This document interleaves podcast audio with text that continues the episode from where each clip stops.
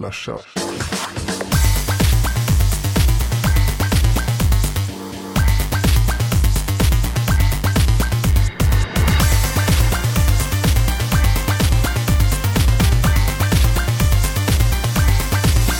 la charge. Hej allesammans och eh, hjärtligt välkomna till ännu ett avsnitt av eran absoluta favoritpodcast slashat.se. Din machete i Teknikdjungeln där vi varje vecka betar av det senaste inom nyheter, ja, teknik, eh, internet, prylar, eh, tv, film, spel, eh, allt, allt. En del Apple, en del eh, Google, en del Android. eh, eh, De brukar dyka upp och eh, med mig har jag min gode vän Tommy. Allt bra? Jo tack. Det, det, jag mår som jag förtjänar tror jag. Vad har du gjort? Nej, jag var skitbra alltså. Så vad har du gjort för att förtjäna det? Eh, jag har jobbat på bra. Ja, men det är karma. Det är bra. Det, men det är bra. det får man igen i, i ledig tid sen när man dör. ja, jag vet inte riktigt om din, din arbetsgivare har sagt det till dig. Jo, vadå? Är det inte så det funkar? Jo, så är det Jesper. Precis så är det här i livet. Jag vet inte vad det är. Good vibe, kanske lite vårkänsla och du vet den biten. Och, nej, Mm, när det har kommit upp i såna anständiga temperaturer som en minus och blåst. Vi har låga krav på västkusten. Jag var spa i helgen. Åh, lera i ansiktet och eh, gurka i ögonhålorna. Nej, faktiskt inte. Utan mer, eh, ja du vet, vi plaskar runt och åt god middag och hade det gött. Jag och tjejen. För det är ju snart kan hon ju inte röra på sig så mycket. Va? Så då får man ju se till att mysa upp henne lite innan. Ja, det kan man förstå. Det kan man förstå. Ja, exakt. Ska du kanske bara... Du har redan förklarat vad vi gör. Då kan jag förklara att vi kör detta live. För er som vanligtvis eh, inte lyssnar på oss så vet ni om att den här showen är inspelad live. Det innebär helt enkelt att vi sätter på den stora recordknappen klockan 20.00 tisdagar och så låter vi det gå tills vi känner oss nöjda och klara och då blir det en podcast senare. Så att eh, vi har gått hela vägen runt och gjort en från det här eh, passiva podcastformatet till ett aktivt levande format med våran underbara chatt som styr upp saker och ting. Just nu skriver de äckliga saker i chatten här, Twipper i synnerhet. Jag vill inte läsa upp det där. Ehm, så det där missade du. Kanske, av, kanske för bra för din egen skull. Det är bättre nästa vecka, vi lovar. ja, exakt. Då skickar vi ut Twipper. Nej, det gör vi inte. Han är fin. Eller hon. Han. Den hane tror jag. Eh, hur som helst, ni kan vara med i alla fall och ta en del, vara en del av showen genom att hänga på chatten tillsammans med alla andra. För att eh, det blir mycket slashat nu Jesper. Det börjar idag kan man säga. Ja, det är en sån här dubbelvecka denna veckan. Som börjar med ett helt vanligt slashat avsnitt, det som ni sitter och lyssnar på just nu. Och imorgon vid den här tiden så har vi redan hållit på en, en timme, en och en halv. För att eh, onsdag den 2 mars blir det för, för oss då eh, Apple och deras Keynote. Och eh, det, är väl, det är väl ingen hemlighet, inte ens på inbjudan gör de en hemlighet av att det har med nästa iPad att göra. Eh, Så att det är väl det som kommer avhandlas under morgondagen och då sänder vi i vanlig ordning live. Och då har vi även med oss våra officiella eh, slashat-anställda, är väl fel ord. Anställda betyder att de ska få någon sorts lön. Det får de inte. Eh, våra goda vänner eh, Kottkrig och eh, Magnus Jonasson som är med oss. Så kan vi sitta där och vara lite dynamiska runt vad vi tycker om eh, nästa iPad. Yes sir. Och eh, värt att säga är att ni som lyssnar på podcasten på sig onsdag och har missat det här så kommer ni inte att få den här livesändningen till den vanliga podcastfeed utan ni måste gå till slashat.se och lyssna på den där. Eh, det har att göra med att de här sändningarna blir väldigt, väldigt långa. Det är inte ovanligt med kanske två, tre timmar långa sändningar och då känns det lite oskäligt att skicka ut den till alla. Eh, fyra timmar Apple kanske man inte är så jättesugen på om man lyssnar på alla andra nyheter. Även fall det är mycket Apple och Android just i den här showen Jeppe. Ja, det har blivit så. Sen är det också så att eh, bara ett halvt dygn efter vi har kört en liveshow så finns all den här informationen som vi har tagit upp. Utom möjligen våra egna direkta spontana reaktioner ute på nätet. Allt, allt nytt som har presenterats finns ju omskrivet på nätet. Eh, vill man däremot veta vad vi faktiskt tyckte om det så går det faktiskt att lyssna veckan därpå. För då tar vi nog en liten sån smält eh, hela lite och sen reflekterat över vad vi tyckte om nyheterna. Så eh, där får ni recapen nästa vecka så att säga. Men eh, 18.30 imorgon för er som vill hänga med här. Men pilsner och, och i mitt fall lite te och sitta och softa och se vad det är Apple har i sin bakficka denna gången. Och värt att nämna är ju att det är 18.30 när vi kör livesändningen där imorgon. Och i vanliga fall så är det 19.30 vi har försnack. Så vi bara får det off the table så inte någon som kommer hit 18.30 en tisdag och blir fly förbannad och loggar ut lagom några minuter innan vi börjar 19.30. För de väntar nästan en timme. Det vill vi undvika. Ja, i den mån det går. I den, I den mån det går. Ska vi kanske dra igång då med förra veckans poll? Och det är jag som sköter den. Du är eh, Commander in Chief eh, Pimp Ass Flying High, eller hur går den där låten? Pimp, Pimp Flying, ja jag vet inte. Ja. Ja, jag ska leta reda på den. Ja, pollen är din, förlåt. Pollen är min. Jo, det var ju som så här. Förra veckan så var vi nyfikna på att veta vad ni har för tv. Television, tv-apparat, vad det nu kan tänkas vara en förkortning för hemma. Hur som helst, vinnaren av de olika tv-formaten är LCD på 52 procent. Eh, på en god andra plats eller en ganska usel andra plats kommer Plasman på 24 procent. Sen på tredje plats har vi gammal tjock-tv på 22 procent. LED LCD på fjärde plats med 16 procent. En projektor. Ändå 11 procent av er har en projektor. 4 procent har ingen tv. 1 procent har bakprojektion och 0 procent har OLED. Eh, varför det blir 0 procent är för att vi har decimaler med och de visar vi inte. Så det är väl 0, någonting och så ettan kanske 1, någonting och fyran kanske. Ja, ni vet. Ni förstår. Ja. Frågor på det? Nja, jag tänkte väl kanske att så inte så många skulle ha en, en projektor. 11 procent. Jag är samtidigt lite förvånad över att tjock-tvn ändå hänger med i, i, i sån skala att de faktiskt står för närmare en fjärdedel av alla tv-apparater där ute. Och det är fan inte dåligt. De har ändå varit prisvärda rätt länge nu. Vem har en gammal tjock-tv tänkte jag säga. Det verkar vara 22 procent av våra lyssnare. Men, eh, hmm. Men LCD leder ju ligan stort. Och lägger man då ihop LED-LCD där så har vi en... Det är ju den som, som står och, och leder stort här så att säga. Ja, för alltså jag, har- jag köpte mig en plasma istället för LCD. Det här var en av de få gångerna som jag var förtrupp inför dig Jesper att köpa en TV. Och vi båda var överens om att eh, plasma var sådär. I alla fall den jag köpte. Ja... I så mörka- så här i efterhand. I Så. mörka scener. I Ja. ljusa scener var den klockren. När det var ljust och fint. Men när det var lite mörkt och sådär så var det lite dålig färg tyckte jag. Eller färgdjup framför Jeppe köpte sig en LCD som eh, funkade betydligt bättre.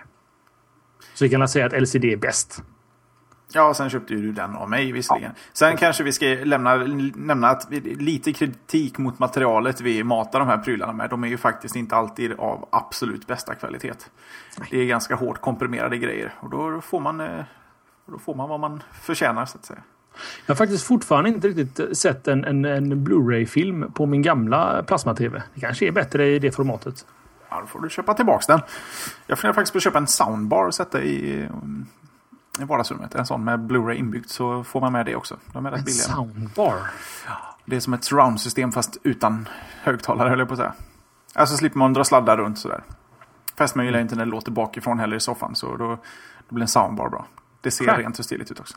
Nu glömde jag att jag hade ett extra ämne då som jag, att jag kan ju nämna det nu. Och det är att de visade faktiskt eh, trådlös bildöverföring till skärmen på mässan Cebit idag.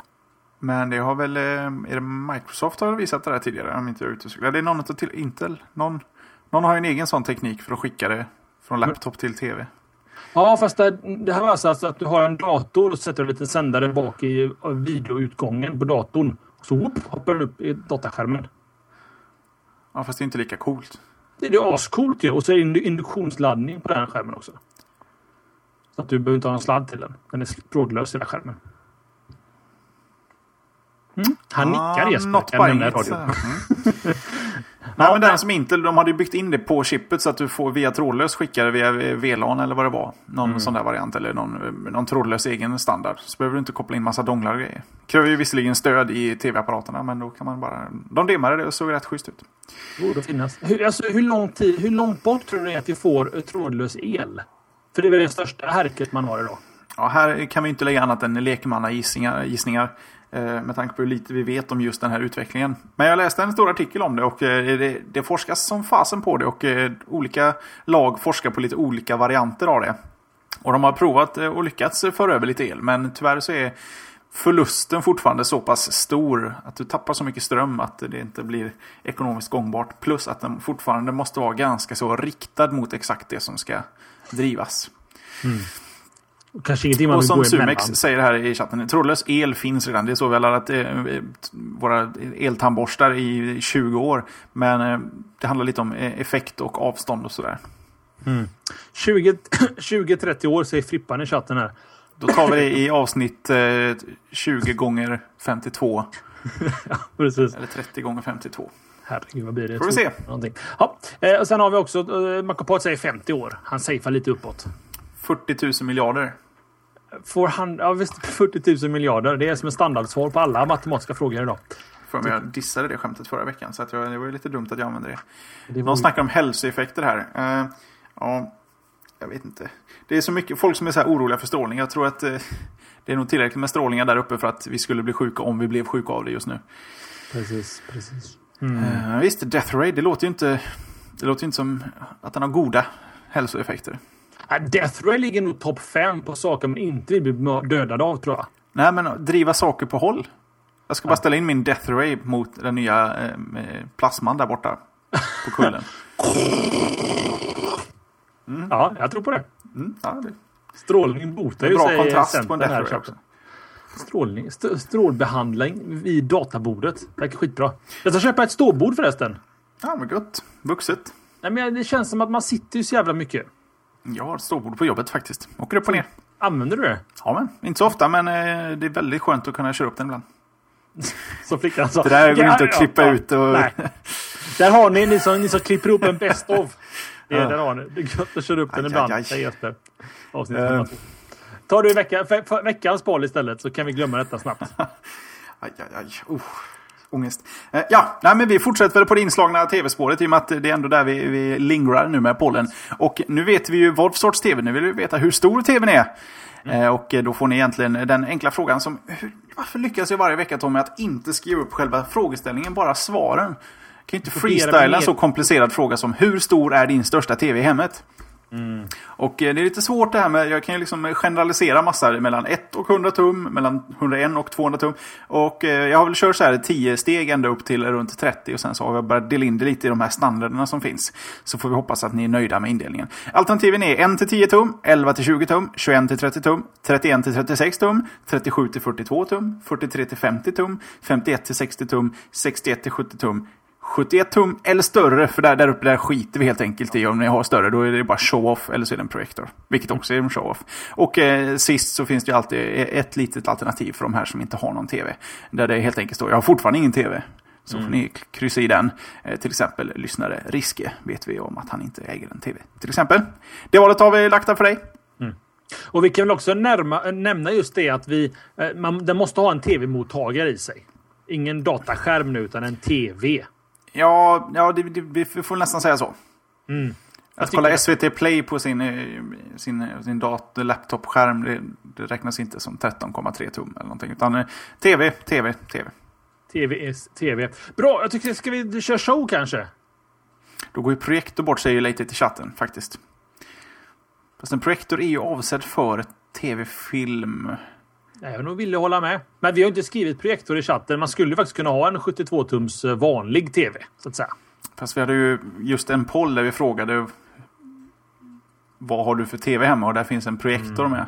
Vi är inkonsekventa tycker du? Problemet är att tv-mottagaren idag eh, numera sitter i boxen och de flesta tv-apparater har en inbyggd box och det har inte en projektor. Och det finns även platta tv-apparater utan box. Vet du vad? Om ingen säger någonting som har lyssnat på showen Tommy, så tror jag vi klarar oss. om du bara tystnar nu och så går vi vidare så får de suga på den karamellen själva annars. Apropå Jeopardy Jesper. Mm. Eh, jag ska nämligen prata lite Jeopardy här, vilket är en ganska konstig grej att göra i en teknikshow. Eh, men det var nämligen som så här att IBM har satt ihop en liten, eller en liten dator, det är en klar underdrift. En dator då som ska kunna spela Jeopardy eh, så nära en människa som möjligt. Innan jag berättar om allt det här så ska jag gå in på en liten förhistoria. Och det är nämligen som så. Varför vill IBM göra detta? Jo, de eh, till exempel har mycket prestige i att de var med och satte den första människan på månen. Eh, och eh, de, också att de byggde den här datorn Deep Blue som spöade schackmästaren Kasparov.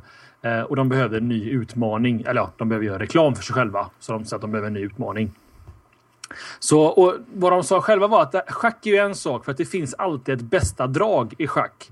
Eh, en dator kan alltid analysera vilka drag har gjorts, vilka drag kan göras och ni vet sannolikhetsläran och den biten. Liksom, vad kommer den andra dra och sådär.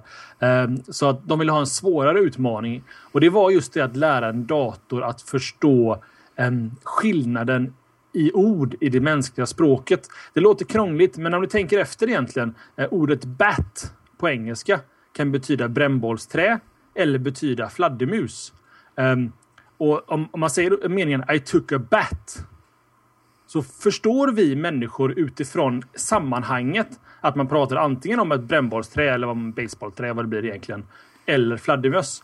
Eh, och hur ska man lära datorer att förstå det? För de kan ju inte dra eh, slutsatser egentligen eh, utifrån om de inte har mer data. Så då satte de sig ner, eh, forskarteamet på IBM och tänkte att okej, okay, vilken utmaning skulle vi kunna ge nästa generations datorer då?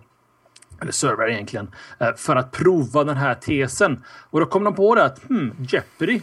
Det är ju faktiskt en lek som bygger uteslutande på att man ska eh, dra slutsatser. Man ska förstå lite skämtsamma vitsar i frågeställningen och man ska också vända man får ju ett svar och man ska ge en fråga. Det, det, det kräver lite, ja, lite skills att förstå språk. Så de bestämde sig då för att de ska bygga en dator som ska spöa de två bästa Jeopardy-spelarna i världen. Ehm, den här tävlingen har genomförts i, för ungefär två veckor sedan i USA. Men innan vi går in på hur det gick för den här lilla datorn då som heter Wat eller Watson eller Watson. Watson, tror du Jesper? Watson. Watson. Mm. Kan det vara han från Sherlock Holmes? Kanske det, eller så har det något med ström att göra. Jag vet inte. Gissningsvis, eh, gissningsvis eh, Sherlock-svängen där. baby, baby. Så här är det i alla fall att Watson består av 90 stycken IBM Power 750 Express servers. Det är 32 processorer per maskin. Eh, och de kör en Kernel Based Virtual Machine, en KVM, som ger den här i processorkraft ungefär 80 teraflops. Robot-Tommy säger han Jesper. Ja, det låter lite crap här faktiskt. Det måste jag erkänna. Hmm. Ge mig en, en skatt. En, en, en skatt? Vad är det? En skibbidibappen. Ja, nu låter det bra. Jag tror det, den, den kanske inte gillar ämnena den här skypen. Kan det vara så? Den säger, oh, nu, det är en sån här verkligen Skypes version av Fast det här ämnet är intressant, det var inte så jag menade. Men den nej, kanske inte tycker om eh, konkurrens på, på eh, computing power. Men mm. nu låter det bra så jag tycker det är väl bara att fortsätta där. Det var, det var 90 stycken IBM Power 750 Express Service tror jag du sa det sista. Precis. Kan det vara när jag pratar för länge? Ja, vi tar det eftersnacket. Jag har en teori här nämligen att det hände exakt samma sak förra veckan. Ja, skitsamma. Eh, Skype suger just nu i alla fall. Um, det är 90 stycken IBM Power 750 Express Servers med 32 processorer i varje maskin, vilket ger ungefär en kapacitet på ungefär 80 teraflops. Kan du gissa Jeppe vad det kostar att bygga en sån här maskin? kan ju inte gissa när jag har tillgång till samma mm. show notes som dig. Men eh, jag slänger ur mig... Eh, jag blundar och slänger ur mig eh, en miljon. Kronor? Nej. Tre miljoner dollar kostar den här maskinen att bygga. Och det är, det är bara, och nu är verkligen måsvingar här, det är bara 20 miljoner svenska kronor. Så det är liksom ingen sån här fruktansvärd superdator egentligen de har byggt, utan hårdvara är ganska billigt idag. 20 000 ja. eller 40 000 miljarder kronor ungefär kostar den. Mm. Däromkring. Så vad de gjorde i alla fall var då att Watson skulle utmana Ken Jennings och Brad Rutter som båda är såna här riktiga Jeopardy-rävar. Ken till exempel, eh, Ken Jennings då, hade den här fantastiska streaken på 72 vunna tävlingar på raken Jesper. Hmm. Han stod alltså i 72 dagar, måste det väl vara då, och bara behöll sin titel. Han ackumulerade ihop 3 miljoner dollar. Mm. På sin, I vinstpengar då. Ungefär vad en Watson kostar. Ja, han, har, han har betalt sig redan. uh, nu är det bara uh, pension resten han spelar in där. Precis. Tvåan då uh, är Brad, som jag sa, vad heter han? Brad Rutter. Som har spelat, vunnit över 3,5 miljoner dollar. Och det var för övrigt Brad som spöade Ken i Mästarnas Mästare av Jeopardy. Eh, Brad har även vunnit två Chevrolet Camaros och hur mycket pengar som helst. Det är turneringspengar eller turneringspengar, vet man. Jeopardy Masters on CBS och sånt där crap. Jag är Jeppe somnar tror jag. Jeppe, kom. Ja, jag lyssnar. Ja, mm, mm. Mm. Så det är två galet kompetenta Jeopardy-spelare som den här datorn ska utmana då. Eh, och sen lite, lite, detaljer innan vi kommer in i hur det gick då. Eh, Watson förstår ju inte, eh, den, den har ingen talförståelse, utan de har löst det som så att i, i, samma sekund som Trebek, han som leder Jeopardy, har sagt eh, frågan så får Watson den feedad till sig i textformat. Så de har inte gjort den här voice-förståelsen i den, utan den förstår bara skriven text. Um, men de har också byggt som så att i samma sekund som Watson får frågan, eller svaret, ni vet ju att det är bakvänt Jeopardy. Um, svaret, uh, så har han byggt en liten anordning så att den hinner tänka, göra ett beslut och sen trycker den på en knapp. Så att inte den har en jättestor fördel med att kunna svara snabbare. Utan den måste fortfarande trycka ja, virtuellt då på en knapp helt enkelt för att kunna ge svaret. Okej, okay. hur långt har du läst Jesper? Eh, av shownotesen? Alla eller? Jag har läst rätt igenom alltihop. Aj, aj, aj. Okej okay, då. Eh, så Watson lyssnar inte helt enkelt. Någon i chatten där blev lite ledsen. Han trodde att Watson lyssnade. Men nej, han lyssnar inte. Och, och, en annan intressant grej var att man kunde se sannolikheten. Eh, Watson hade ju tre svar som den kunde övertyga om att det här, någon av de här tre är det. Och så har den en, sannolikhetsräknare i den då hur många procent den tror att det är rätt svar. Eh, hade den under 50 procents sannolikhet så svarade inte Watson. Om den inte var tvungen, till exempel att det var en sån här dubbel Jeopardy och sånt där, man måste svara. Då säger den att eh, My guess is, säger den då istället för. Den pratade för övrigt, men ganska bra talsyntes. Ehm, och allt över 50 så trycker den. För då tror den att den har en sannolikhet att kunna ha rätt. Okej? Okay? Poängen, hur gick detta? Ni som vill se detta på, på Youtube, det finns massa. Det, det, är fyra delar på Youtube. Ni som vill se detta ska inte lyssna på hur det gick då. Ehm, så nu får ni pausa några sekunder där. Ehm, men eh, ja, datorn kickade ju bokstavligt talat skiten ur Ken och våra kärade Brad. Ehm, efter två dagars tävlingar så hade datorn spelat in 77 000 dollar. Ehm, tvåan hade fått in 24 000 dollar och trean fick in 21 000 dollar. Ehm, så det var ju ingen, det var liksom ingen utmaning egentligen för den. Den hade så jävla mycket rätt så det inte fanns. Dock svarade Watson fel några gånger. Och det, det, var när frågorna, när han inte förstod sammanhanget i frågorna och då svarade han faktiskt fel. Men tror han hade hög sannolikhet att ha rätt då. Um, vad tycker du om det? Spännande Epa? Det är lite spännande. Men mm. som du säger, visst de, den kickade ju butt med de här andra tävlarna. Men efter de här två dagarna som de körde till exempel så drog Watson in 77 000 dollar sa du och 24 000 och 21 000 på de andra. Ja. De är ju ändå med i spelet här. Ja, det, det tredubblade ju nästan. Jo, men det kunde ju ha stått 0-0 och så hade eh, datorn där haft 110 000. Mm. Men eh, som sagt, den satte ju fel några gånger och då fick de ju faktiskt chans att, att hugga in de här två mm. extra tävlandena. Alltså man ska se på det. Man, man, man, alltså det, eh, det är inte ofta människorna hinner trycka in eller liksom hinner svara innan Watson redan vet vad svaret är. Uh, och viktig sak, näm sak att nämna är också att den är inte kopplad till internet. Den får inte komma åt internet helt enkelt. Så den är, det är en databas den arbetar ut efter. Förmodligen som någon skrev i chatten här, de har kopierat ner Wikipedia på den. Men studion är uppbyggd på IBMs ja. eh, område också. Korrekt. Så att eh, den, är, den behöver kylning från två stora kylskåp egentligen som håller den lite sval och skön. Då kan man fråga sig, som en liten, liten knorr här på slutet då, varför vill IBM göra detta? Förutom den uppenbara reklammöjligheterna då.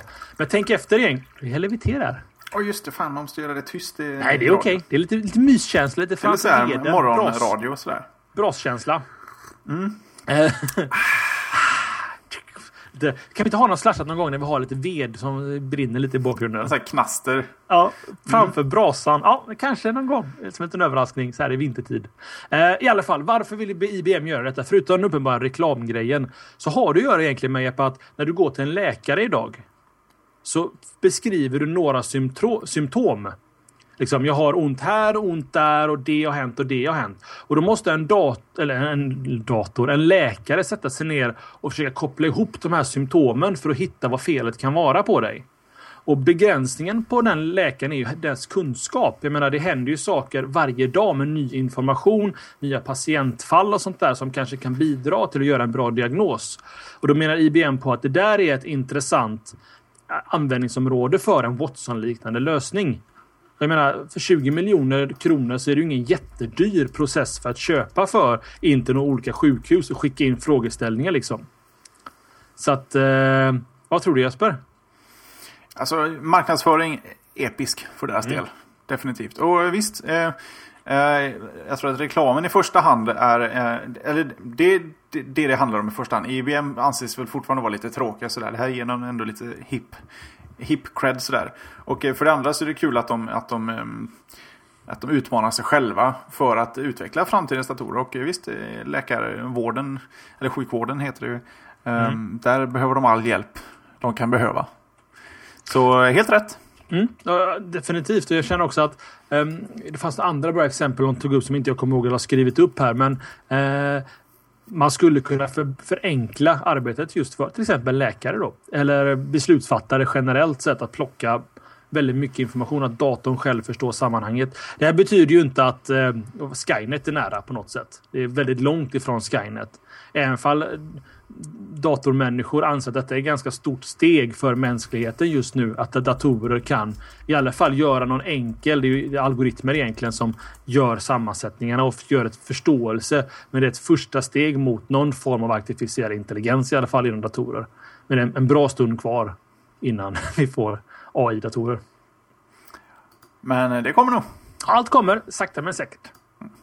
Ska vi ta och gå vidare kanske? Mm -hmm. Då tycker jag vi tar och kliver in på Mac OS 10 Lion. Nästa, nästa version av eh, Apples operativsystem. Eh, det har ju nu dykt upp i en eh, Developer Beta. Jag vet inte om det är en beta. En Developer Preview kallas den. Och jag kunde inte hålla mina, mina klåfingrar fingrar ifrån det här så jag var tvungen att prova den. Och har ni läst min artikel här så vet ni redan vad jag tycker. Jag bloggade om det här i veckan. Men jag skrev ner lite hastigt eh, vad, vad, vad jag tyckte om det och vart det var på väg. Och eh, vad vi visste från början. Eh, först ska jag säga, det är lite fräckt. Eh, de som är utvecklare som får eh, ladda ner den här. De får en, en, en sån kupongkod att ladda ner hela OS från Mac App Store. Så att jag kan nästan tänka mig att eh, du när den väl kommer kunna, kommer kunna uppgradera genom att bara köpa uppgraderingen direkt i Mac App Store. Och det är snyggt tycker vi om. Och så minimerade skivor och så blir jag extra nöjd för att jag har monterat ut CD-läsaren och DVD-läsaren. Eh, det snackades om att eh, Lion skulle bli lite fortsättningen på det de gjorde med nya Macbook Air. Att de tog lite teknik från iPaden till, till deras eh, bärbara datorer. Och eh, här ska då mjukvaran hänga med lite grann också. Så det ska komma lite funktionalitet från iOS in i MacOS. Och eh, det har det gjort. Eh, för det första så ser det, alltså grunderna är fortfarande de samma. Det ser likadant ut och har din docka och sådär. De har finslipat lite på gränssnittet. Det har blivit lite mer kantigt med knappar och sånt där. Eh, knappar för att välja saker. Om ni tänker er att ni går in i till exempel inställningar för att ändra eh, kan ta under, under trackpad eller under spaces där. Eh, sådana knappar när man trycker för att välja flikar och sånt där. Det har bytts nu mot en liten sån slider. Eh, en flip switch kallar jag dem. Jag vet inte om det är rätt ord. Eh, Kill switch. Ja, till exempel. hade de haft den så hade den sett ut så här. Och det, har ni haft en iPhone när man slår på och av wifi eller på av airplane mode till exempel. Det är det sättet du flyttar mellan inställningarna. Tyvärr är inte det här genomgående likadant överallt. Men jag tror att det kommer bli det. För att eh, just nu så ser det nästan ut som... Har du eh, till exempel i Finder-vyn när du ska välja om du vill se symboler, lista, coverflow eller någon annan variant. Så ser det ut som du har valt tre stycken olika lägen och inte valt ett. Medan det faktiskt är den här lilla switchen som du flyttar fram och tillbaka. Så det har fått lite sådana, en liten uppiffning eh, på den biten. En av de stora grejerna som jag inte är säker på att den kommer hänga med till stora releasen, men som jag gillar, är att all scrollning är spegelvänd. Eller i min värld, rättvänd till slut. För jag har alltid varit lite konfunderad över varför eh, saker åker uppåt på skärmen när jag scrollar neråt. Och nu är det vänt. Det går att ställa tillbaka om man vill. Eh, jag tror att de vill eh, imitera lite känslan av att eh, när du tar på en iPhone till exempel så drar du faktiskt med fingret uppåt för att skicka sidan uppåt. Med andra ord komma längre neråt. Och en scroll på en eh, trackpad har varit tvärtom. Eh, nu är den vänd. Och jag tycker det känns naturligt. Man vänjer sig väldigt, väldigt fort och det är så jag vill ha det. Eh, men jag förstår att eh, folk kanske har lite svårt för det. Men det går att ställa om. Eh, för övrigt så är det väldigt mycket så här, en finger, två fingrar, tre fingrar, fyra fingrar. Eh, svep, in, upp, ner, knip, zoom. Eh, det är väldigt många kommandon och grundinställningarna är lite motsägelsefulla ibland. Där flera olika svep gör samma sorts funktion medan vissa andra funktioner saknar en speciell fingerkombination. Men det går att ställa in. Mm. Mission Control, det är en exposé on crack. Det är egentligen en kombination utav exposé Eh, dashboard och eh, Spaces där du får upp allting eh, organiserat, snyggt och prydligt. Inte så mycket att säga om den, mer än att de har tagit bort Spaces-funktionen så som den var förut, där du valde hur många olika virtuella skrivbord du skulle ha. Förr kunde du välja hur många skrivbord du vill ha i sidled och hur många du vill ha i höjd. Nu väljer du bara hur många extra du vill ha, så dyker de upp där. Ehm, så väljer du vilken du vill gå till. Launchpad, ehm, precis som när Steve Jobs eh, visade den, eh, det är egentligen springboarden på din iPad eh, som du får upp. Du ser eh, alla programmen så som de ser ut på en, en, på en iPad och du kan lägga dem i mappar och sortera. Ehm, gillar man inte den funktionen så kanske man irriteras lite av att Launchpad-knappen inte går att, eh, går att ehm, plocka bort ur dockan. En annan schysst funktion, eller en av de nästan schysstaste funktionerna är versions. Eh, Ett sätt där du behöver egentligen aldrig spara i ett program. Eh, Du kan spara om du vill, men du behöver inte spara. Du kan eh, bara öppna ett dokument, skriv någonting, stäng ner programmet. Sen öppnar du programmet igen så ligger dokumentet kvar där. Sparar du dokumentet och stänger ner, öppnar upp den igen, skriver lite text, sparar, stänger ner, öppnar igen, skriver vad du än gör. Så kan du alltid uppe i lilla högra hörnet på det här fönstret välja att bläddra i versioner. Och då hamnar du i ett time machine liknande. Så kan du bläddra tillbaka och se alla olika sparade instanser bakåt som du har gjort. Så det finns aldrig någon risk att du tappar bort någonting eller skriver över någonting. Snyggt gjort också. Ehm, men som, eh, som den ligger just nu är den bara på mm, Apples egna program. Eh, där funktionen ja, går att använda helt enkelt.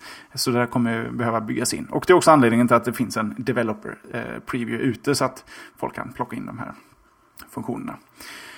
När du startar om din dator så eh, får du nu valet att öppna fönster igen vid återinloggning. Och det är lite som i en iPhone och en iPad. Eh, startar du om den eh, telefonen så har du fortfarande program igång i multitaskbaren längst ner.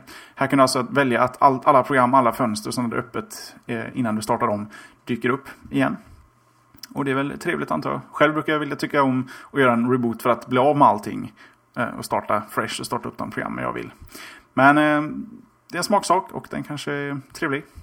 Um, lite inbyggda applikationer. Kalendern, mailklienten och Safari har fått sig lite uppdaterade eh, looks. Eh, de stöder alla den här nya fullskärms... Eh, fullskärms eh, ja, de siktar in sig på, väldigt mycket på att allting ska gå att köra fint i eh, fullskärm. Och det är faktiskt väldigt trevligt. Jag, jag tycker om det. Mailen ser lite mer ut som eh, mailen i iPad. Eh, det går att ställa tillbaka till det gamla klassiska läget.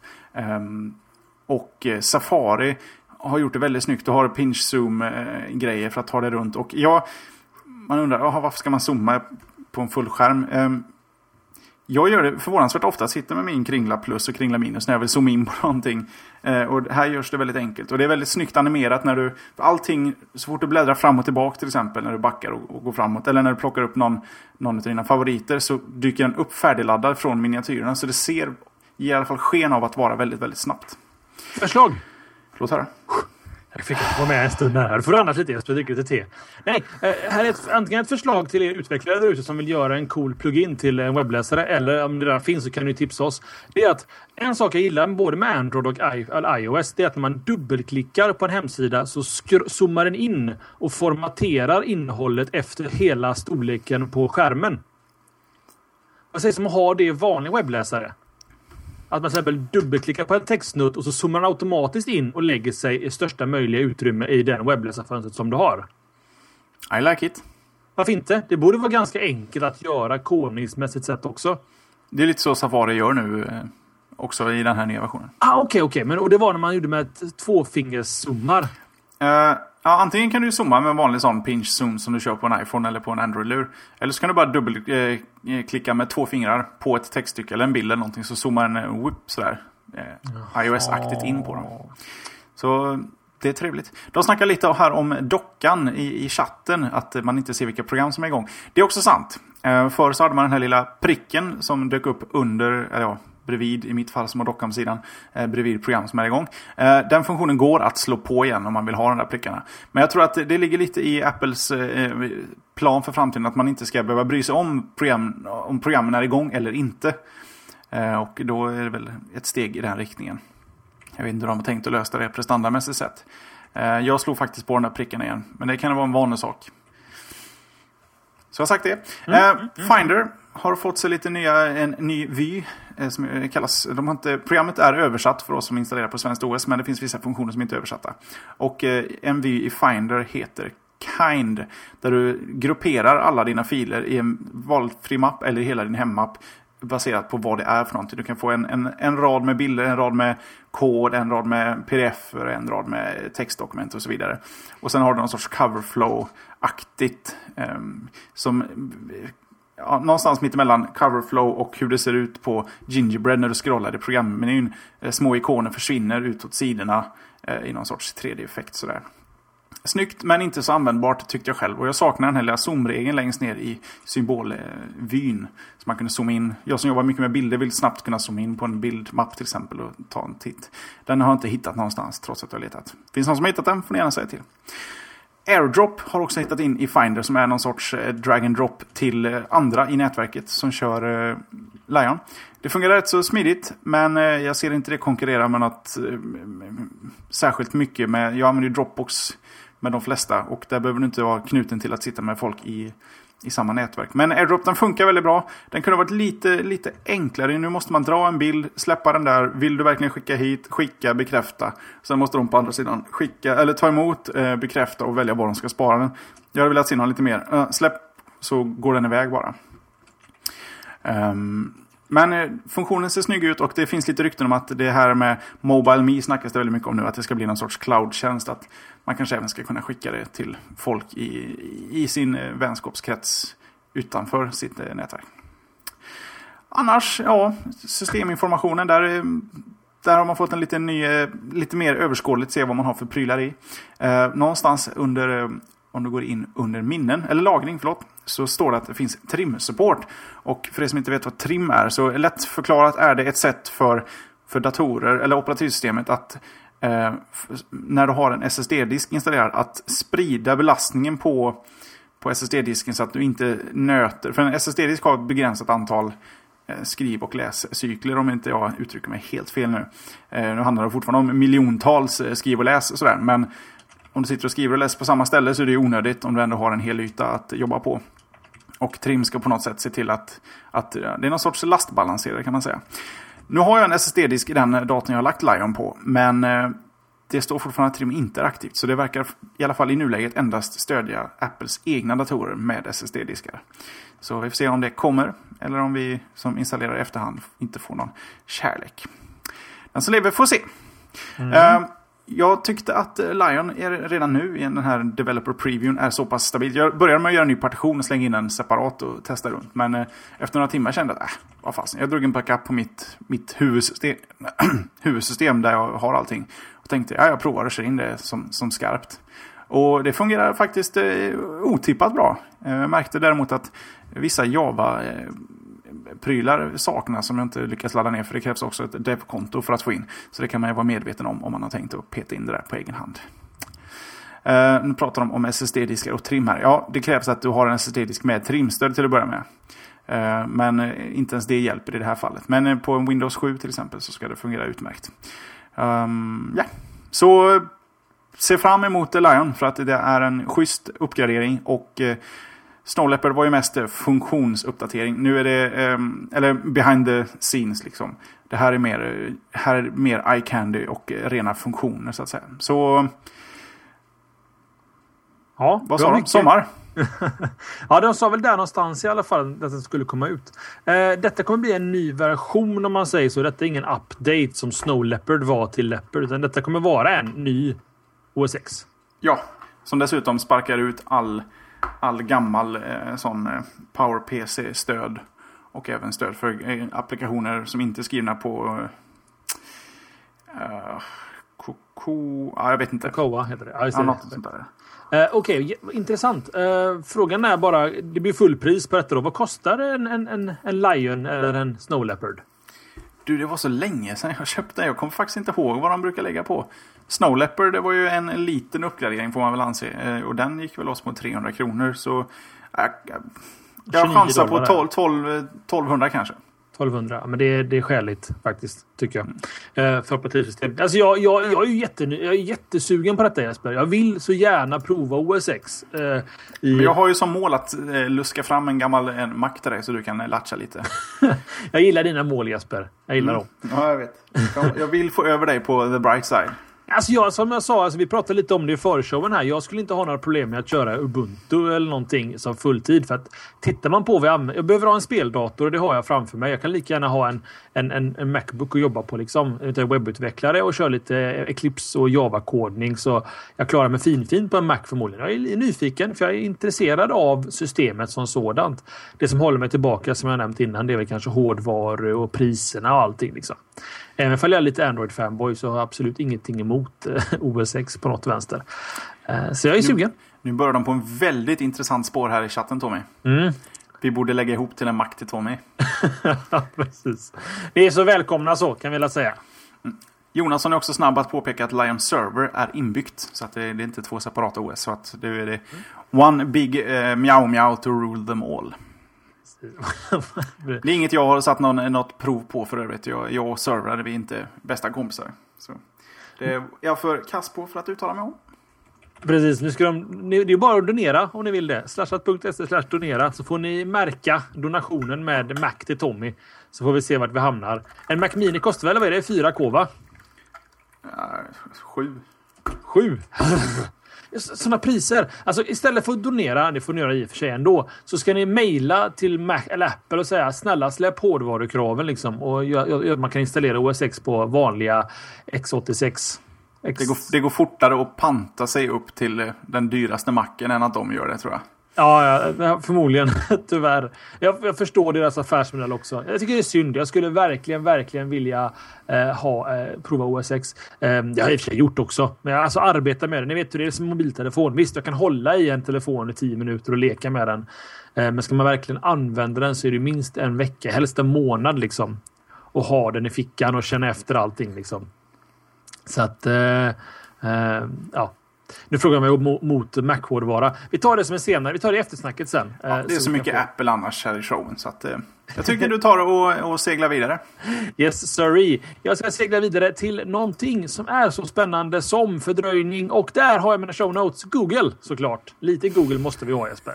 Ja, det låter Anna, så. Det är ju inte slashat om jag inte pratar lite Google. Men jag hade tänkt hoppa över Android idag. Men det kanske kommer tips här mot slutet om Android. Vi får se vad som händer. För först så har det hänt lite på Googles sökmotorfront. Det har nämligen varit så att Google har fått lite spott och spä. Det är väl så det är kanske att vara störst. Att det var lite dåliga sökresultat och annat som jag kan hålla med om.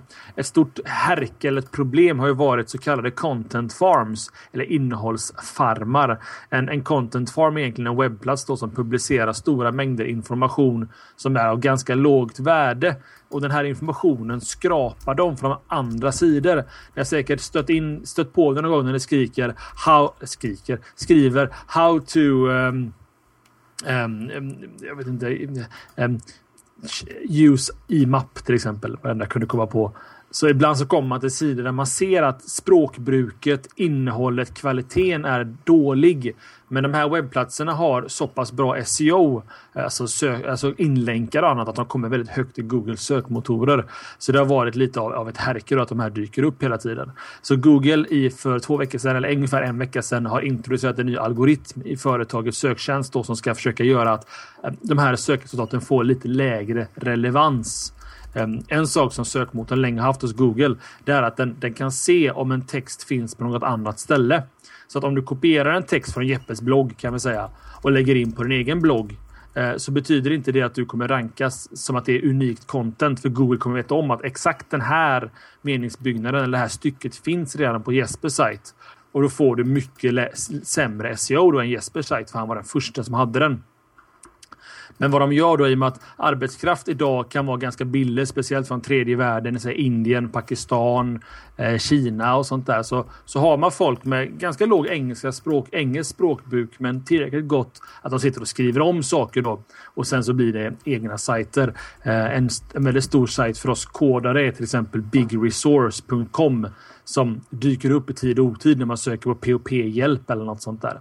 Så de har en algoritm som ska försöka få bort det här problemet. Eh, en annan jätteintressant grej som Google släppte också ganska nyligen. Jag tror inte jag tog upp det i Slashat. Gjorde jag det så får ni ursäkta för repetitionen här. Men det är en, en Chrome-plugin som gör det möjligt att blockera resultat från sökresultaten. Fast bara lokalt naturligtvis på din dator. Det innebär att om du får upp ett resultat från sen Big Resource så kan du välja att du blacklistar hela domänen bigresource.com och så försvinner de för dina sökresultat i Google helt och hållet. Det sägs även att den här pluginen ska ringa hem till Google och säga att x antal människor har blockat bort eh, bigresource.com. Så det kanske är ett första steg för lite crowdsourcing i Googles sökmotor. Så frågan till dig. Bara den funktionen enkel, helt, alltså bara den funktionen hade väl hjälpt ganska väl? Ja, det är absolut. Fast det är ingenting för, för eh, mammor och pappor att förstå hur det funkar. Nej, det är sant. Och de ska Men inte låt, hamna låt oss nördar eh, gå loss under tre veckors tid så kan, nog, kan vi nog gemensamt ringa in de värsta offendersarna. Definitivt. Och jag, jag, tror att jag hoppas på att det är det som de vill ha den här datan till. Att sakta liksom eh, kunna förbättra sina algoritmer. För Google säger ju själva att de vill så sällan som bara möjligt ändra i sökresultaten. De vill liksom inte gå in och göra undantagslistor. Liksom att om man eh, söker på det här så eh, ska inte de här synas. De vill ha liksom ett, ett, ett, ett, en organisk sökmotor som styrs av algoritmer. En algoritm to rule them all egentligen. Eh, och jag, jag gillar det tänket med pluginet och för mig, bara för mig är det jättenödvändigt liksom att använda. Och man märker snabbt att blockar man bort några sajter så, så märker man att eh, ja, men det, det, blir faktiskt direkt bättre. Så att, vad tycker du om sökresultaten Jesper? Tycker du att de blivit sämre hos Google? Ja, och det har jag väl varit eh, on record och sagt. Att eh, Google behöver hitta på någonting för att eh, nu börjar det se riktigt illa ut. Och det här är väl ett första steg tror jag för att de ska återgå till den gamla gloryn när Google faktiskt kunde leverera allt på en gång på första eh, sidans svar. Och, eh, mm, nej, men det är bra att de ändå eh, ger uppmärksamhet eh, till den här sortens problem. Ja, men det är klart. Jag menar, det är ju, alltså sökmotorn är deras huvud, huvudprodukt hos Google. Den stod ju för, jag kommer inte ihåg, var det så här 70 eller 80 eller till 90 procent av årsintäkterna för Google var ju från sökmotorn och ad-systemet runt omkring det. Så att det, det, går inte bara att hoppa över det. Liksom. De måste utveckla den hela tiden. Så att jag tycker det är en positiv utveckling i alla fall att de, att de tittar på det. Mm, så det är bra. Ja. Då ska man ju se efter det om det är ens största inkomstkälla också. Precis. precis. Så fick vi, fick vi en donation också. Till min till Mac Mini. mm. Ja, men det är bra. Mm. Ett steg närmare. Ett steg närmare. Eh, jag tänkte bara prata lite kort om eh, Facebook. Mm och deras lilla like-knapp, eller gilla-knapp som den heter på svenska Facebook. För eh, den har tillsammans med dela-knappen eh, varit deras största eh, ja, funktioner för att, för att fylla din, din vad heter det? din vägg med information och länkar och sånt du tycker är intressant. Nu börjar de sakta baka ihop de här två så att så fort du trycker på en like-knapp på valfri hemsida som har implementerat den här så postar den hela inlägget utan att du kan göra någon kommentar om det eh, rätt till din vägg och till alla dina vänner eh, oredigerat. Och det är helt baserat på den metadata som, som finns från den sidan du har klickat på det här. Ehm, och frågan är är det här är det här det nya sättet att... Eh, hur ska jag formulera det här? Jag tänkte... Det lät så lätt tänkt när jag tänkte det, men det var så svårt att säga. Eh, RSS har vi ju pratat om en och annan gång. Ett sätt för dig att hitta eh, intressant information eh, och prenumerera på det. Kan det här vara nästa sätt att få data istället för baserat på vad du tycker är kul, baserat på vad dina vänner tycker är kul. Så att Facebook på det sättet har blivit en, en, en sorts RSS-läsare som istället baseras på vad du tycker om så baseras den på vad folk du tycker om tycker om. Mm. Vad tror du?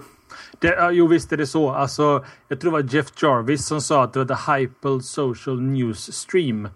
Och det bygger egentligen på, vi pratar om det ganska mycket slashat med, att man låter vänner omkring sig kurera innehåll. För att vi är vänner Jesper av en anledning. Vi har gemensamma intressen eller vi funkar bra ihop som personer.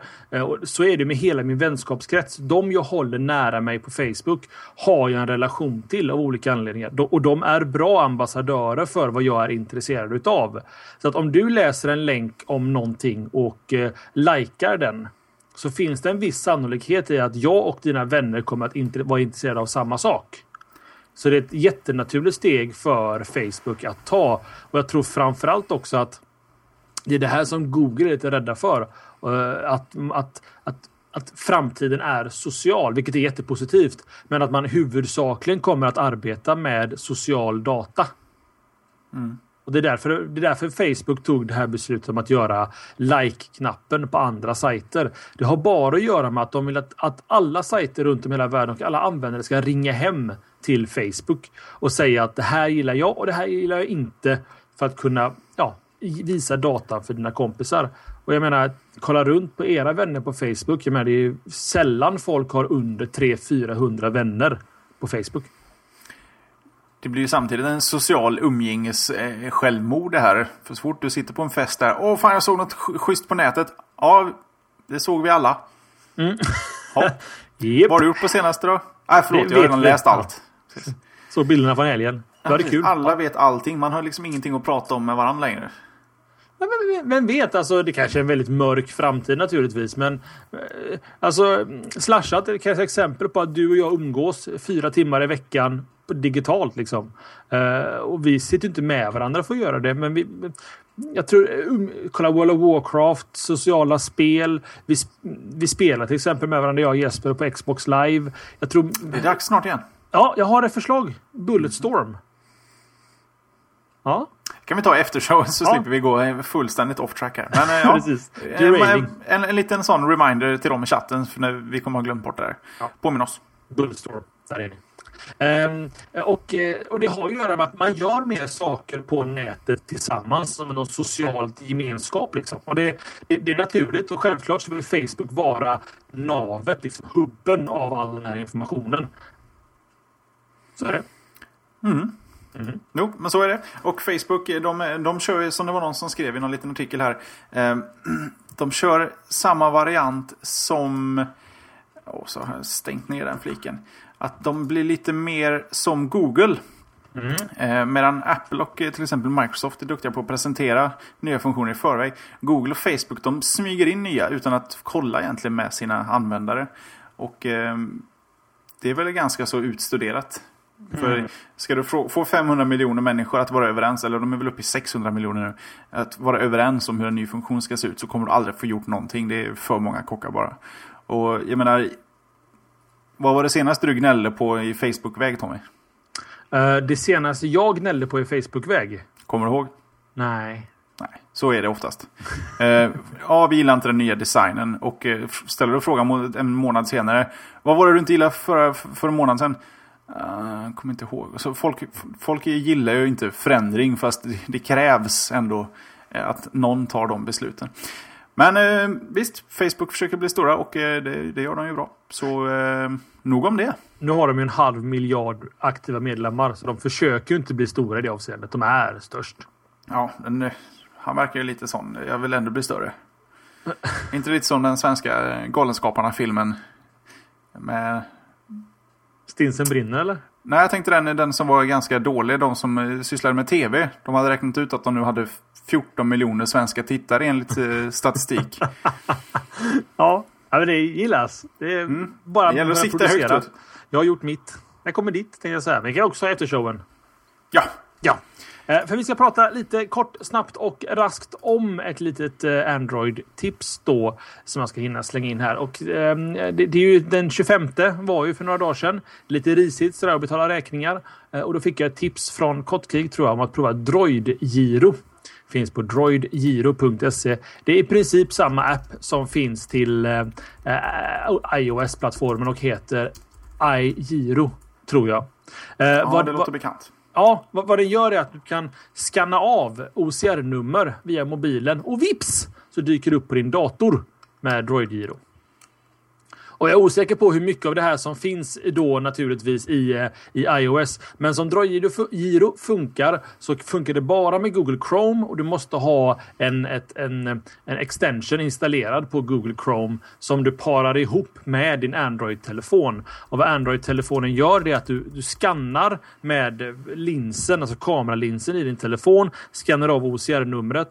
Den översätter bilden till siffror, frågar är det här siffrorna? Ja, eller ja, så här ser siffrorna ut. Man kollar första och sista siffran liksom så de stämmer. Tryck på skicka och vips så fyller den i fälten automatiskt i din webbläsare. Tillika då naturligtvis eh, din inloggning på Nordea eller vad du nu är. Så du slipper skriva de här jävla satans OCR-numren Jesper. För det är ett härke.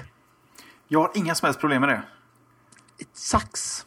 jag är så snabb, så flink med fingrarna på... Men jag har i och för sig jobbat i, med ett jobb... Som OCR-nummer?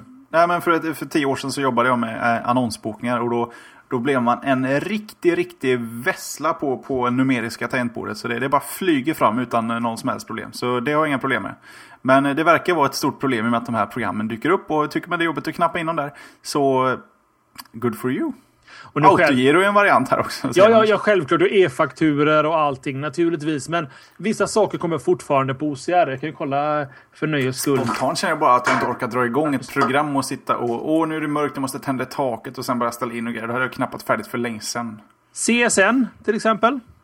Jag har inte pluggat. Jag är dum i huvudet men jag slipper knappa siffror. Nej, inte jag heller, men min fästmö har pluggat och tydligen så är det jag som betalar.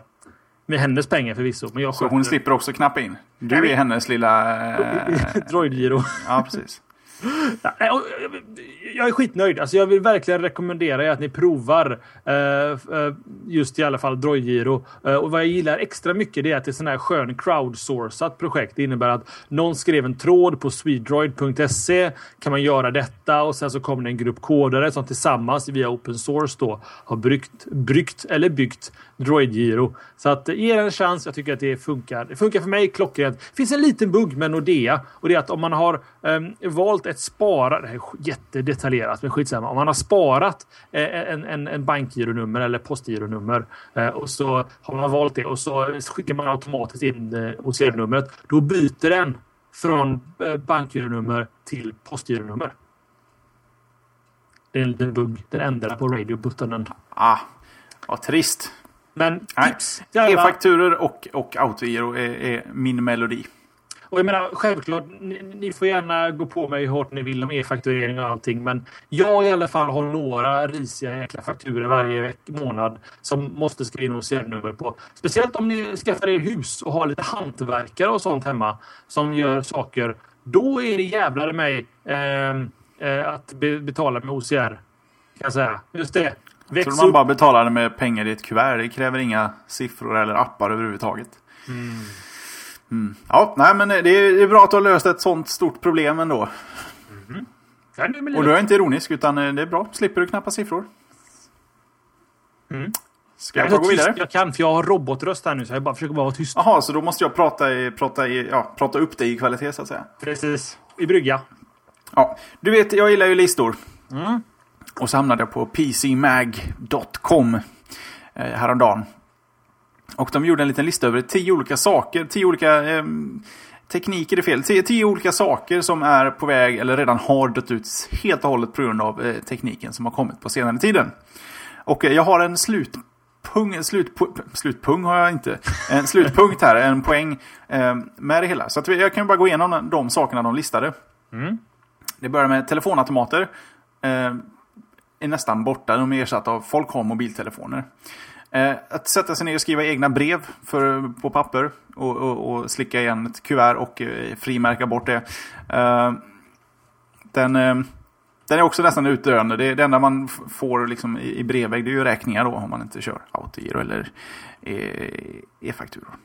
Eh, portabla CD-spelaren har väl varit ganska död rätt länge. Även om jag faktiskt såg ett reklamblad häromdagen. Där de försökte kränga på mig en sån här för 299 spänn största, bästa reklamplats. Jag vet inte om de säljer, men jag tror inte det. Eh, MP3-spelare har ju ersatt dem där till exempel. Kortböcker, eh, det är sällan man köper en, en atlas, en bilatlas eller vägatlas och eh, stoppar in i bilen numera. Man har allting i sin mobiltelefon till exempel. Eh, kortregister, det står och bläddrar i gamla sådana kartotek på biblioteket. Det gör man inte heller så mycket längre. Allting sköts med datorer.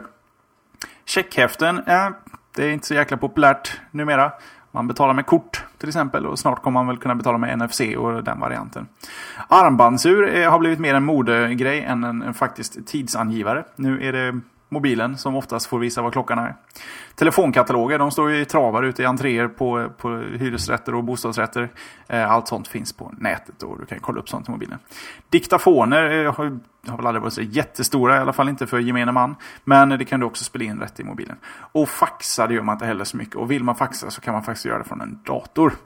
Och vart jag vill komma med det här är att alla de här tio olika punkterna går att ersätta med mobiltelefon. Mm.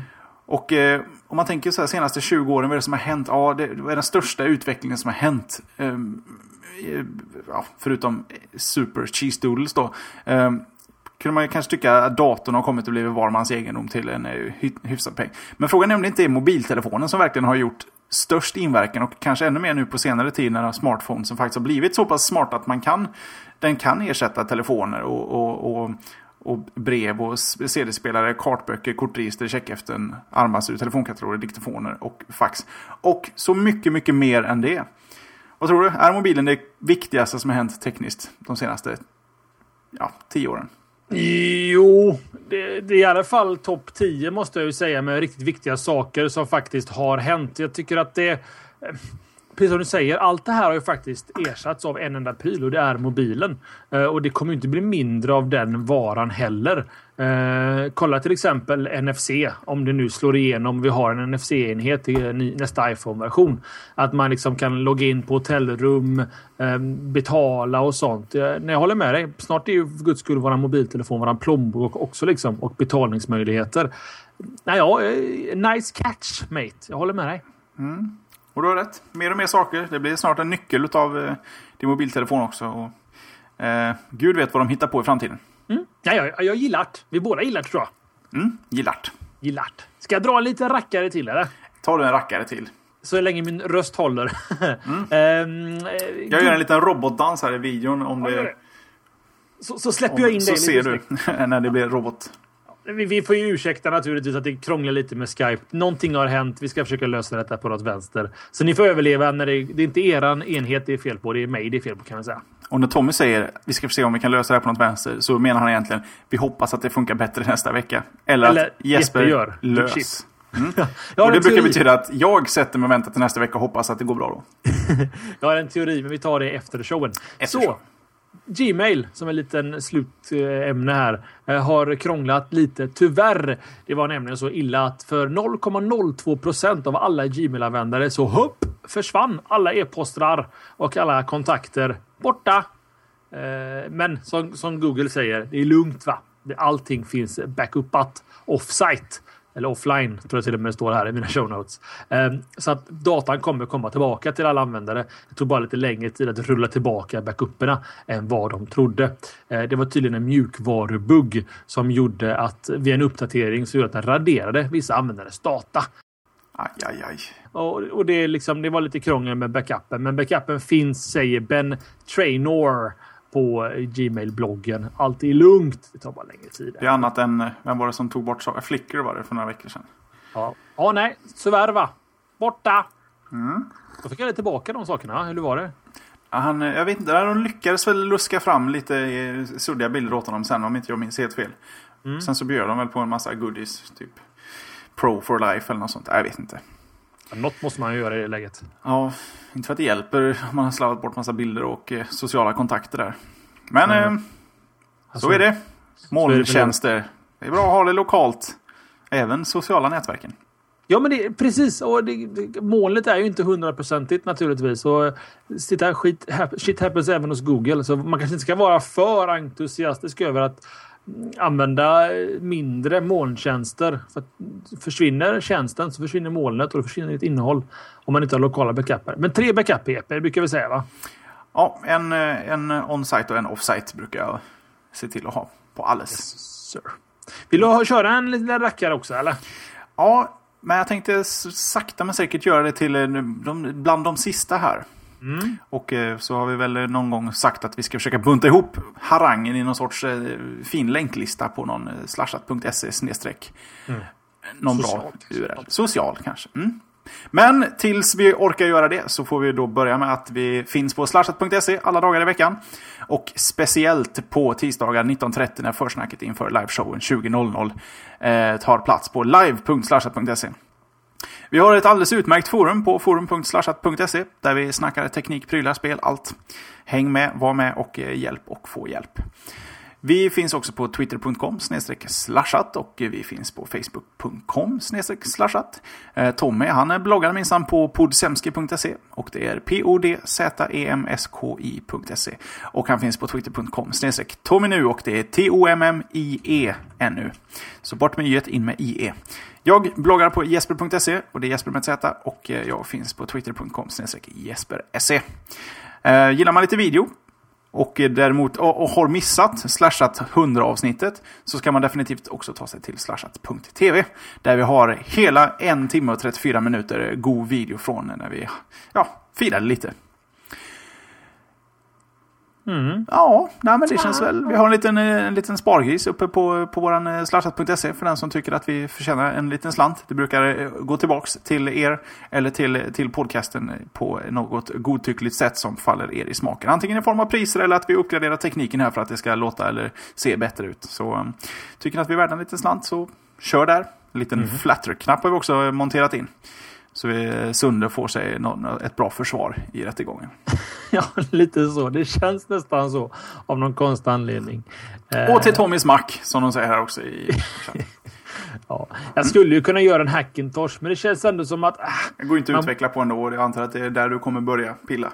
Ja, man vågar inte uppdatera den heller för att den kan ju sluta fungera. Och då slutar din arbetsmiljö att funka och kostar till på sig pengar och inte kunna arbeta. Ja, du vet. Nej. Not cool.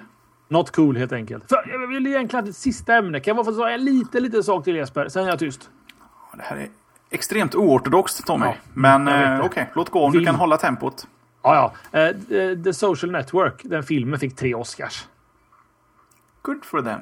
Vi pratade så mycket om det. Jag tänkte väl få in det den här veckan. Bäst, uh, de fick uh, bästa manus baserat på annat verk och bästa musik och klippning. Mm. Där ser man. Ja, Aaron Sorkin ska ha cred för sin manus tycker jag. Det är helt rätt. En av de mindre viktigare kanske extra punkterna som är oortodox med. Men eh, jag ville få med den. Jag kände att annars kommer jag glömma av den. Mm. Ja, mm. då så. Jag kan kontra med att Copyswedes privatkopieringsavgift dröjer också, så fick vi in det. För de är inte överens helt enkelt. Med, Precis. med folket som håller i hårddisk och eh, lagringsmedia eh, ja, branschen, elektronikbranschen. Så eh, fick jag sagt det också. Eh, nu dröjer det från 1 april till 1 juni i, i väntan på att de ska spika de där nufforna. Men mer om det där någon annan gång. Yes. Det väl, en, en annan gång, det är väl nästa vecka helt enkelt. Ja, om man inte ska kika på eh, vår livesändning imorgon, onsdag den 2 mars. 18.30 börjar försnacket, 19.00 börjar de snacka där borta i eh, Cupertino. Och vi ska ju såklart se till att ni får både ljud och bild och eh, vad vi tycker om grejerna sådär lite innan och sådär lite efter. Och då har vi även med oss Kottvig och Magnus Jonasson. As per usual. Vet vi att de faktiskt kommer att ha eh, filmare Nej. Eller är det, är det default nu för tiden? Det bara är så? Det känns default och är det inte så då får vi, vi agera ut allt vi kan eh, läsa. Då får vi göra på som gamla goda tiden. Det var inte så länge sedan det inte fanns video. Vi, vi gör det bästa av det. Du, sista frågan. Mm. Steve Jobs på scen imorgon? Nej.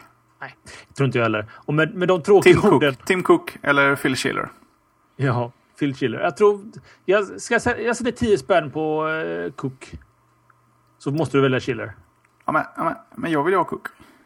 Jag hörde ett annat rykte då. Att, eh, vad heter han, eh, Jonathan Ives kanske är på väg bort från Apple. Men det här är sånt vi kan prata om i förshowen imorgon. Precis, så vill ni höra resten av det här samtalet så ska ni lyssna på imorgon klockan 18.30. Boom shakalaka live.slashat.se. För han heter Tommy, jag heter Jesper och nu ska vi ha eftersnack Jesper.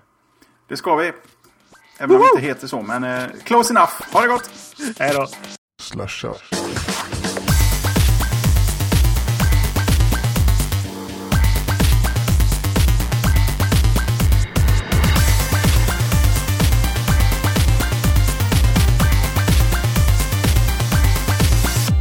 show.